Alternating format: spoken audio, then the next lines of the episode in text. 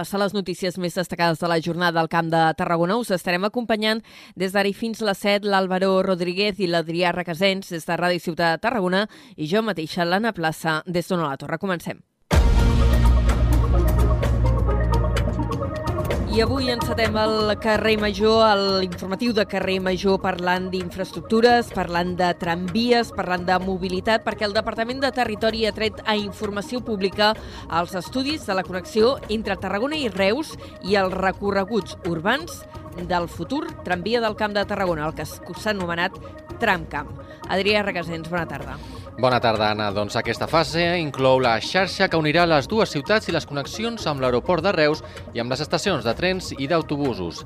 Des de la nova ràdio de Reus ens ho amplia en David Fernández. L'àmbit que s'ha publicat aquest dimecres correspon a la unió entre Tarragona i Reus i inclou les entrades a Vilaseca i l'accés a l'aeroport de Reus, que completa el tram sud de Cambrils. En total s'han planificat 33 estacions en 34 quilòmetres de recorregut, de les quals 8 seran intercanviadors amb l'aeroport i amb les estacions d'autobús de Reus i Tarragona i la resta amb les estacions de Rodalies i de llarg recorregut. En aquests moments, segons el govern, s'està redactant el projecte constructiu del primer tram que uneix els municipis de Cambrils, Salou i Vilaseca i s'està licitant la compra dels primers set trens. El futur tramvia del Camp de Tarragona, en tenir un traçat al marge de la xarxa ferroviària, podrà a més adoptar l'ample estàndard europeu. Ara, amb la publicació al Diari Oficial de la Generalitat, es podran consultar els estudis informatius i d'impacte ambiental per poder presentar al·legacions. Aquest nou pas en el sistema tramviari del Camp de Tarragona és una de les notícies de la jornada. L'altra, que a més està en boca més o menys de tothom, és la prova de sirenes d'avisos d'emergència als mòbils que s'ha fet aquest matí i que ha tingut un resultat irregular. De fet, només la meitat aproximadament dels telèfons han rebut el missatge. Protecció Civil ha manifestat que els missatges s'han enviat bé, però que molts dispositius no els han rebut per la falta d'emissió de les antenes d'algun algunes companyies. De fet, el cap de Servei Territorial de Protecció Civil a Tarragona, Joan Carles Francesc, n'ha parlat aquesta mateixa tarda en una entrevista a Carrer Major. Si miressin el mapa, les taques són molt, molt homogènies, és a dir, el 50-50 que heu comentat està molt ben distribuït pel territori, perquè també va en funció de les, de les diferents antenes de telefonia que tenim. I llavors unes han, han enviat millors missatges que unes altres. O en, en, en unes ha funcionat millor que en, que en unes. Per la seva banda, la directora general de Protecció Civil, Marta Casany, ha indicat que l'informe amb les conclusions de la prova s'enviaran a l'Estat per corregir les incidències. El que haurem de fer és traslladar-ho a l'Estat, tot allò que veiem que hi hagi o dèficits de cobertura, eh, doncs, alguna altra qüestió a millorar, doncs haurem de traslladar-ho. Segons les dades d'aquest eh, migdia, quan s'ha fet la valoració, unes 2.000 persones han respost a l'enquesta de protecció civil habilitada per comprovar com ha funcionat aquest sistema. Aquesta enquesta es podrà respondre fins demà dijous a les 9 del matí. I parlant eh, ara de la indústria química, eh, i ho relacionem perquè aquest sistema d'emergències en mòbils avui s'ha posat en funcionament eh, en fase de proves, eh, però només s'activarà en cas de que existeixi una emergència real com la que hi podria haver en cas d'accident a la química. Doncs avui els treballadors d'ICOXE han engegat la primera jornada de les dues vagues que hi ha convocades per reclamar la readmissió del president del comitè d'empresa. Eh, recordem un tema que es deriva en certa manera de l'accident del gravíssim accident que hi va haver ara fa 3 anys. Una aturada que està tenint un seguiment de gairebé al 100% segons comissions obreres, mentre que la companyia el rebaixa al 8%. La crònica ens arriba des de Ràdio Ciutat de Tarragona amb la Judit Fernández. La, la direcció es reafirma en la seva decisió d'acomiadar el Fran, diu que l'acomiadament no té res a veure en, en la seva funció, en la seva acció sindical, sinó que Diversos treballadors d'ICUOC han iniciat aquest matí una jornada de vaga que s'allargarà durant 24 hores per exigir la readmissió del president del comitè d'empresa, Fran Pizarro. Segons comissions obreres, el seguiment d'aquesta vaga ha estat de gairebé el 100%. A més, asseguren que els sindicalistes només han deixat entrar 8 treballadors muntant un piquet a l'entrada de la planta, per altra banda, des d'ICUXE aleguen que només 11 treballadors dels 132 totals han secundat la vaga i condemnen l'actitud dels organitzadors i del piquet. José Manuel Martín, secretari general de Comissions Obreres d'Indústria Tarragona, assegura que portant a la inspecció de treball els serveis mínims que l'empresa havia establert en 48 treballadors, vulnerant així el dret a la vaga.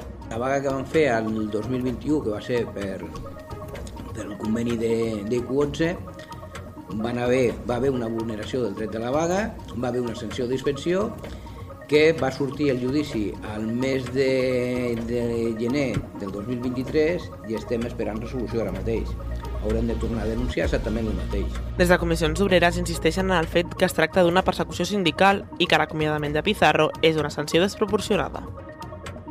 Moltes gràcies, Judit. I més qüestions. Unió de Pagesos reclama al Departament d'Acció Climàtica celeritat en la resolució dels recursos eh, pels ajuts eh, presentats per la pagesia, pagesia afectada per les gelades de l'any passat. El sindicat ha explicat que les sol·licituds presentades inicialment el departament en va denegar unes 200. Molts agricultors no van ser a temps per presentar recurs perquè es va donar molt poc temps de marge i, a més, passats tres mesos els recursos presentats no han rebut resposta. Jaume Gardenyes, responsable nacional de la fruita dolça d'Unió de Pagesos, ha relatat a Carrer Major el moment complicat que viuen molts agricultors a les portes d'una temporada tan o més complicada que l'anterior n'acabem d'una i n'empecem una altra. Veu que el clima se mos està canviant molt, eh, enguany és per falta d'aigua i les temperatures, si mos comencen a pujar les temperatures, com pot ser les, les onades de calor que vam vindre l'any passat, podria ser una campanya pitjor que l'any passat. Recordem que les gelades d'ara fa un any van afectar molt greument les explotacions de fruita dolça de Lleida i de la Ribera d'Ebre i també la collita d'ametlla en molts punts de les comarques tarragonines. I Protecció Civil, per cert, ha activat l'alerta del Pla Bencat pel previsió de fort vent a tot Catalunya a partir d'aquesta tarda i durant tot demà dijous. Avui es preveu que el vent pugui superar els 90 km per hora a les Terres de l'Ebre i a l'Alt Empordà, mentre que demà l'episodi es, generalitzarà, es generalitzarà a tot el país. Les comarques del litoral i les del prelitoral central seran les més afectades. D'altra banda, el govern alerta de l'elevat perill d'incendi forestal des d'aquest dimecres i fins dilluns 17 d'abril. Els agents rurals han activat el nivell 2 del Pla Alfa a 24 comarques i fan una crida a extremar les precaucions.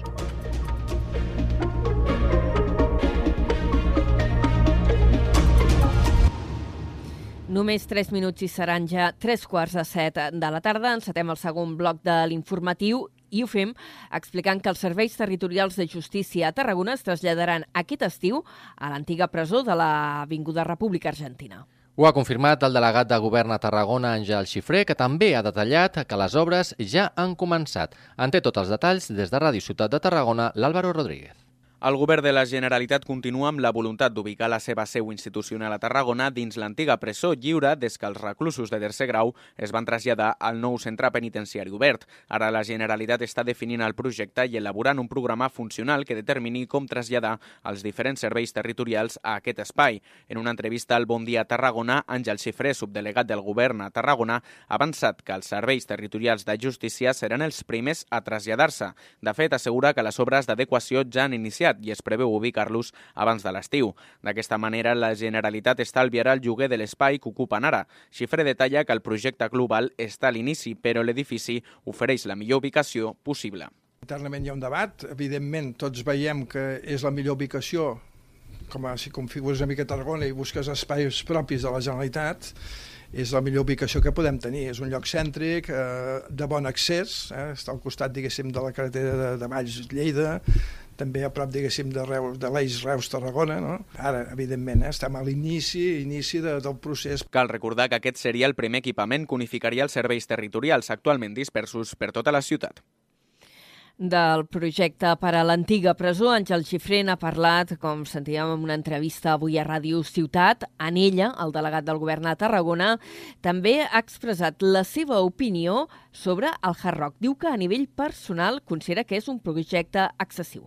Tot i això, Àngel Xifré ha refermat que aquest projecte és un compromís de partit. Ens ho segueix explicant des de Ràdio Ciutat de Tarragona l'Àlvaro Rodríguez. En una entrevista al Bon Dia Tarragona, el delegat del govern a Tarragona, Àngel Xifré, ha assegurat que el projecte del Hard Rock continua endavant, tal com marca l'acord extrapressupostari. Xifré augura que durant el mes de juny el tràmit urbanístic estarà acabat, moment en el qual s'haurà d'aprovar la modificació del pla urbanístic que ha de fer tirar endavant el projecte. Xifré ha reafirmat que aquest projecte és un compromís de partit, però en l'àmbit personal considera que és un projecte excessiu. Jo crec que és un projecte excessiu, eh? excessiu. Vull dir, l'oferta l'oferta que planteja crec que no és tant el problema del casino, que sí que ho és, que és el moment del joc, ja veurem doncs, quina evolució té això, 200.000 metres quadrats de superfície comercial són números molt grans, eh? molt grans.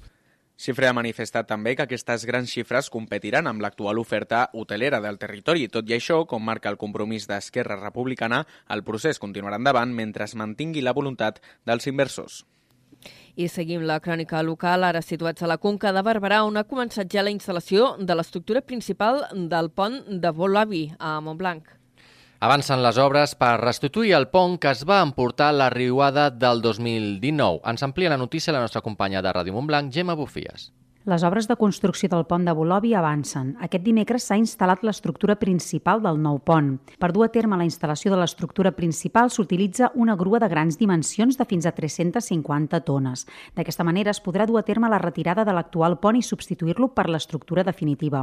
El pont va quedar totalment destruït l'any 2019 amb la riuada del Francolí i des del 2020 que hi ha un pont provisional que va instal·lar l'exèrcit en plena pandèmia. Amb l'estructura principal del pont instal·lada, ara es podran dur a terme els treballs d'obra civil per la l'execució de paviments i accessos per poder finalitzar el projecte.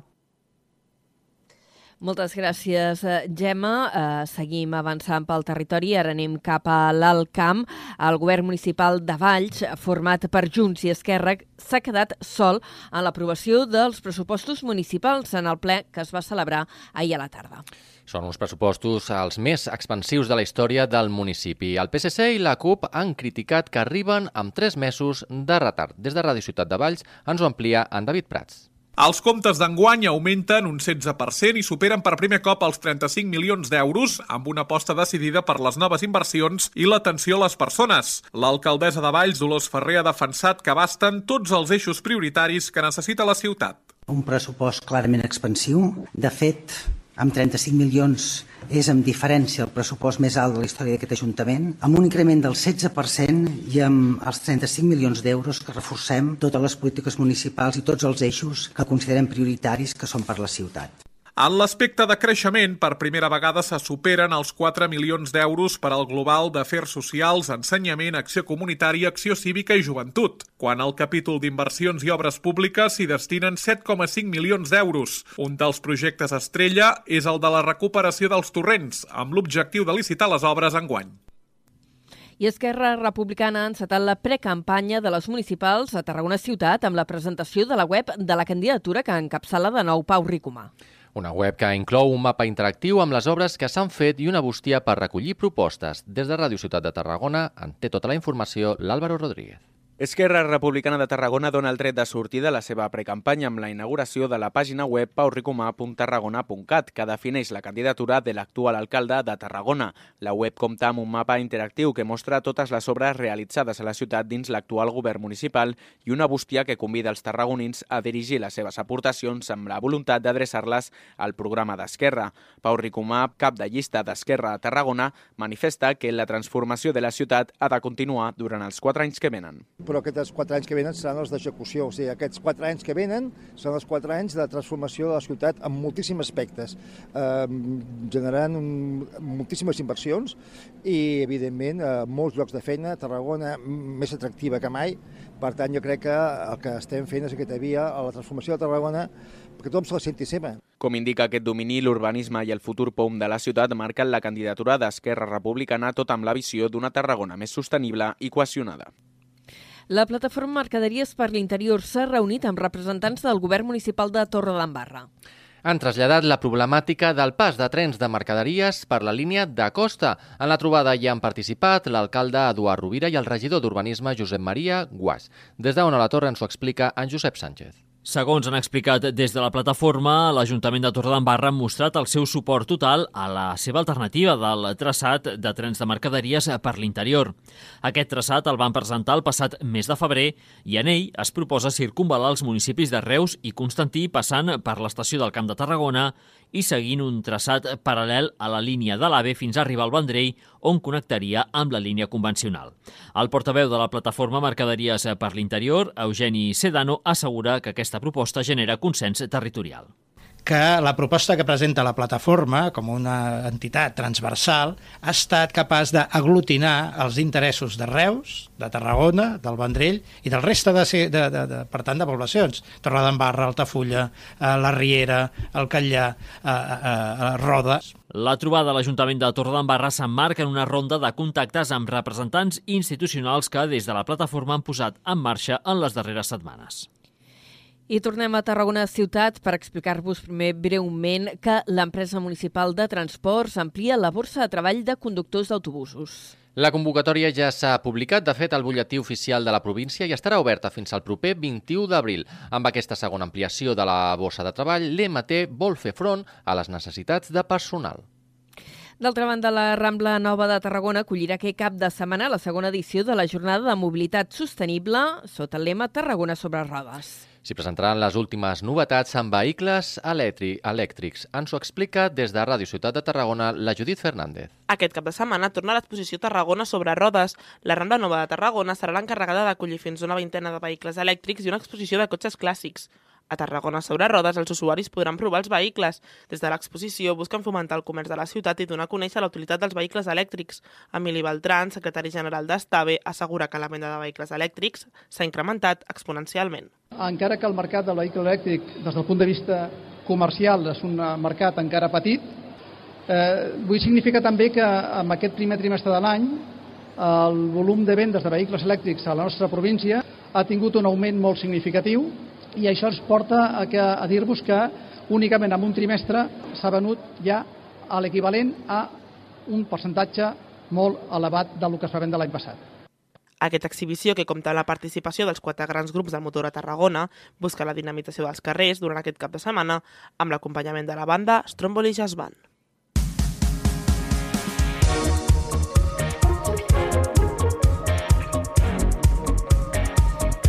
Quan són les 6 i 51 minuts, anem a parlar d'esports avui amb una proposta que més que els esports ens apropa a la dansa. Es tracta d'una cita que arribarà aquest dissabte al pavelló olímpic municipal de Reus. Es tracta del campionat de hip-hop i danses urbanes Rock the Stage. Aquest campionat arriba a la cinquena edició i s'ha convertit en tot un referent per als practicants de les danses urbanes a nivell nacional. L'organitza el Consell Esportiu del Baix Camp i, es i l'Escola de Dansa i Arts Escèniques Artis de Reus. Enguany hi prendran part gairebé 500 ballarins de 25 escoles del país.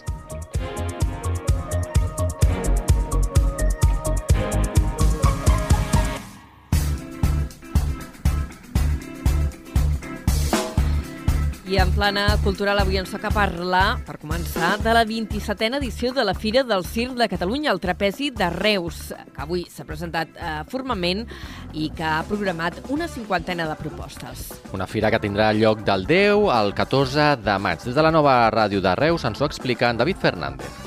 Les 50 propostes programades es reparteixen en 36 companyies, dos cabarets i un showcase. En total hi haurà més de 40 espectacles, tant de companyies locals com internacionals. D'altres països s'ha programat Rouge Nord, dels francesos Sir Pardí, Bainana, de Letge Vistaki, Winter, de My Laika o Happy Apocalypse to You, de les Enfants Serie.